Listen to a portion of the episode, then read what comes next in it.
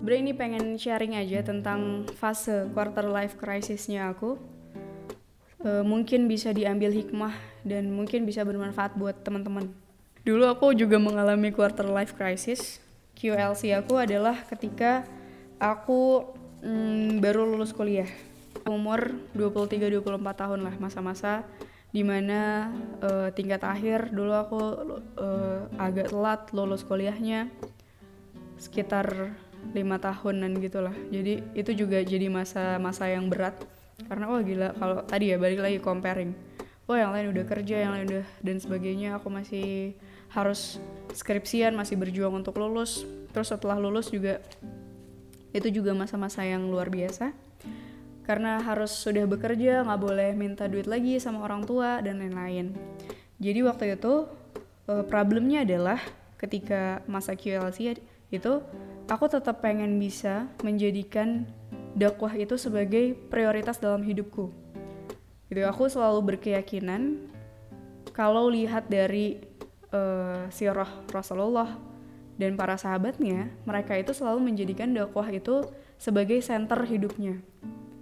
Jadi prioritasnya itu dakwah sisanya ikutin jadi waktu itu oke okay, aku pengen awalnya dulu pengen nyari kerja dulu sebelum akhirnya uh, bikin bisnis kanan studio.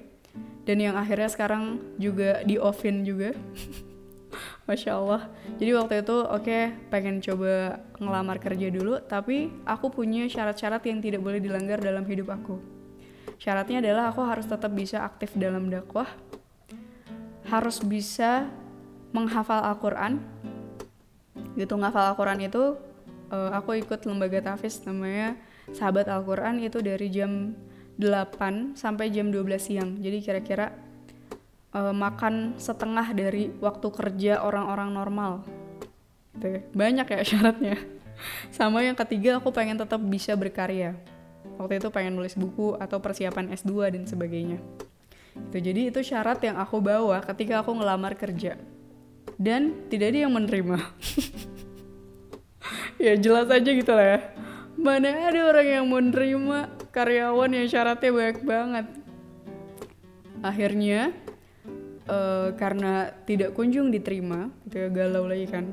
Yaudah deh Bismillah aku pengen bikin bisnis aja. Waktu itu namanya kanan studio. Sebenarnya waktu itu udah berjalan dari aku tingkat 3 sampai tingkat uh, eh, 5 tapi karena satu dan lain hal uh, pengen coba kerja gitu lah ya, di tempat di tempat yang bener-bener corporate dan sebagainya. Akhirnya karena nggak diterima pengen ngerintis. Waktu itu emang ditawarin sama Abi. Uh, Abi bilang uh, ya udah bikin proposal bisnis aja nanti Abi bantu modelin. Terus waktu itu aku bikin proposal bisnisnya keluarlah angka 90 juta. Tapi aku tidak tega. Aku tidak tega memberikan proposal itu ke abiku karena angkanya sangat besar gitu ya. Udahlah lima tahun ini menguras harta orang tuaku untuk kuliah. Masa abis lulus aku mengurasnya kembali kan nggak tega. Akhirnya aku jadiin uh, mimpi perusahaan itu jadi studio. Nggak sama aja dong jadi freelancer. Dari sana akhirnya dapat tuh balance di mana aku tetap bisa ngasilin duit tetap bisa ngafal Quran dan tetap bisa berkarya. Apakah itu nulis di media sosial atau tadi nulis di media sosial yang akhirnya nanti akan menjadi buku aku. Tapi one day ada hari di mana aku sangat miskin. Jadi waktu itu ada fase ada permintaan dakwah untuk bisa bikin beberapa video dan motion grafis. Kalau dakwah itu for free. Jadi nggak ada pemasukan. Ketika tadi aku nerima kerjaan dakwah itu bikin video otomatis nggak bisa nerima orderan dari klien. Gitu sampai ada di titik aku harus bisa bertahan. Waktu itu tuh Ramadan 300 ribu untuk 20 hari. Itu tuh udah termasuk bensin udah termasuk pulsa karena harus uh, ada amanah juga di media sosial dan sebagainya. Itu harus sudah bisa survive dengan itu gitu ya. Aku nggak tahu bagaimana teman-teman tapi untukku itu adalah masa-masa survival terberat. Itu bahkan aku inget ada aku tuh lihat di medsos ada uh, Muhammad Muhammad Gaza. Pokoknya dari orang Gaza dia bilang gini lihatlah orang-orang Gaza. Mereka setiap hari berbuka puasa hanya dengan tiga kurma dan segelas air putih. Waktu itu aku kondisinya cuma satu kurma dan satu gelas air putih karena kurmanya itu juga kurmanya bawa dari rumah. Aku makan uh, setiap hari itu cuma boleh satu. Terus itu uh, berarti aku lebih menyedihkan dari orang-orang Gaza gitu lah. Hal-hal yang semenyedihkan itu. Terus kadang-kadang juga suka berburu makanan berbuka dan uh, takjil ke masjid-masjid. Pokoknya sebisa mungkin harus bisa survive dan sebagainya. Gitu. Terus bahkan uh, masih nerima uh, tawaran ngisi juga. Kan kalau undangan mengisi itu kita nggak bisa nebak ya. Apakah ini free apakah ini bakal ada ongkosnya apakah dan kayak gitu gitulah ya. Nah ada masa-masa di mana aku nggak punya duit sama sekali dan itu nggak dikasih ongkos. Jadi malah semakin ini kan semakin menguras finansial aku semakin menguras uang yang sebenarnya tuh udah dikit itulah ada di posisi-posisi kayak gitu sampai akhirnya aku mikir ya Allah kok kayak gini banget ya? Kok mau taat semenderita ini ya? Apakah harus memang seperti ini? Apakah ini benar? Dan sebagainya. Itu sampai uh, waktu itu Abi tuh bilang kayak gini Konita percayalah Allah itu tidak akan pernah menyia-nyiakan usaha hambanya. Gitu di situ tuh mikir tek iya bener gitu. Gak usah takut gak usah sedih karena Allah itu maha melihat usaha-usaha hambanya gitu. Sama dulu itu kan dulu diucapkan sama uh, Siti Hajar ketika ditinggal sama Nabi Ibrahim bersama bayinya Ismail. Siti Hajar itu manggil-manggil Ibrahim karena Ibrahim itu pergi gitu aja nggak ngasih alasan. Tiba-tiba ninggalin mereka di tengah-tengah gurun pasir bayangin. Manggil-manggil Ibrahim suamiku suamiku gitu kan. Nggak nengok-nengok. Akhirnya Siti Hajar ini nanya apakah ini karena perintah Allah? Nabi Ibrahim bilang iya.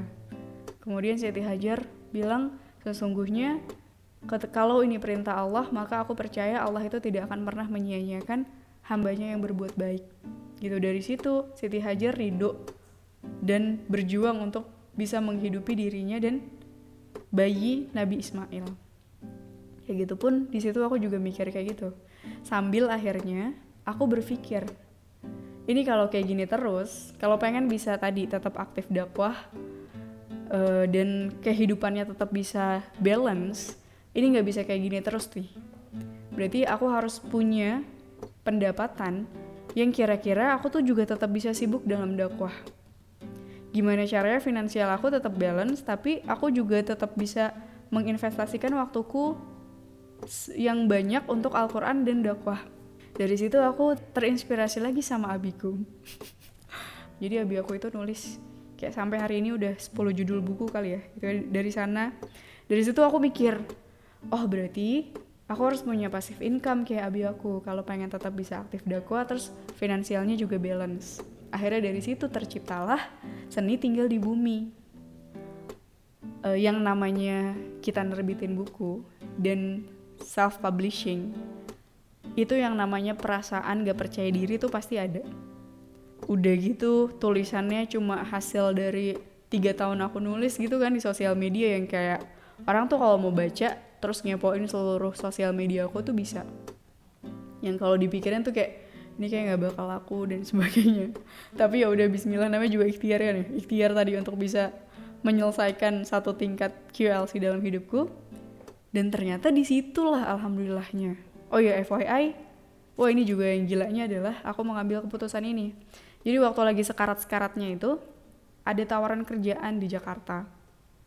Gajinya di atas UMR di masa aku lagi sekarat kayak gitu dapet tawaran se se gendut itu. Gitu ya kayak kayak gue bakal bakal enak banget hidupnya. Kayak kalau tinggal di Jakarta tapi dengan konsekuensi tadi mungkin dakwah tidak bisa jadi porsi yang besar lagi dalam hidup aku. Itu juga akhirnya ditolak. Itu nolaknya sambil nangis-nangis gitu. Oh, gue gila banget ya kayaknya.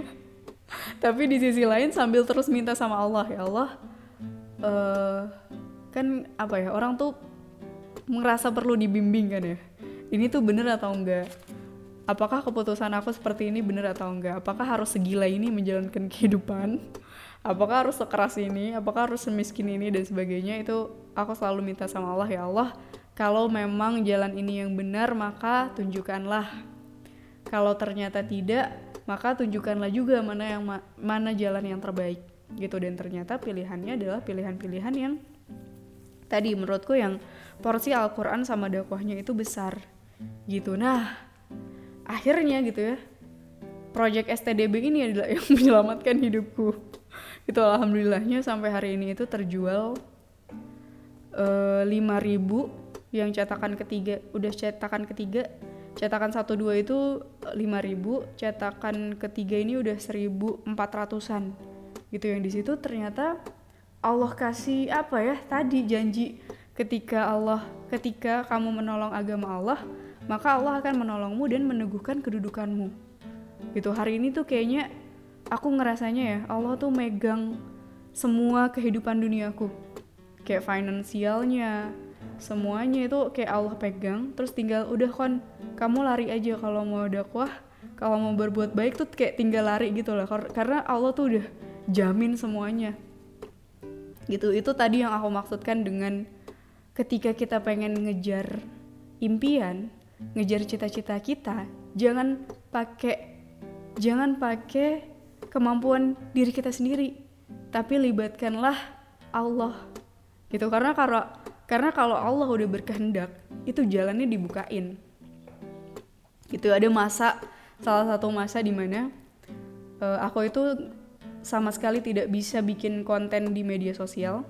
Jadi FYI kalau aku bikin konten di media sosial, itu salah satu tujuannya adalah selain dakwah ya, e, nyari target pasar baru juga yang akhirnya nanti bisa jadi target market penjualan bukuku. Karena aku self publishing kan.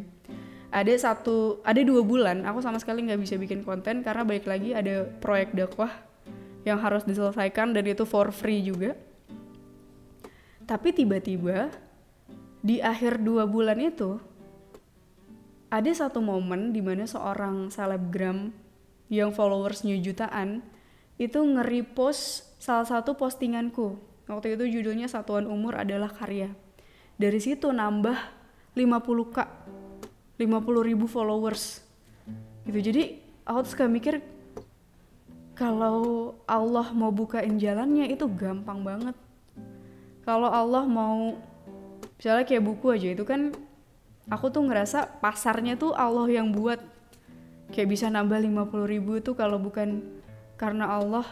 Kalau aku yang usaha sendiri gitu ya dengan nyicil bikin konten sebulan empat kali gitu. Kalau sekarang aku nargetinnya sebulan empat kali. Itu pertambahannya kalau kayak gitu mungkin butuh setahun atau dua tahun. Tapi itu cuma sehari Allah tambahin 50 ribu. Jadi Quran surat Muhammad ayat 7 tuh kebenarannya tuh selalu berulang kali terjadi dalam kehidupanku kayak gitu. Itu yang hari ini alhamdulillah apa ya bisa terlewati lah krisis-krisis krisis-krisis akhir bulan yang bingung harus makan apa karena gak punya duit dan hal-hal yang kayak gitu ya. Tapi tadi baik lagi pasti akan ada krisis-krisis selanjutnya yang harus dihadapi. Gitu. Cuma aku dapat pelajaran besar banget ketika tadi kita mendahulukan urusan Allah maka Allah yang akan urus semua urusan-urusan kita gitu. Kalau kita sebut kalau kita sebut nama Allah dalam diam Allah sebut nama kita dalam keramaian.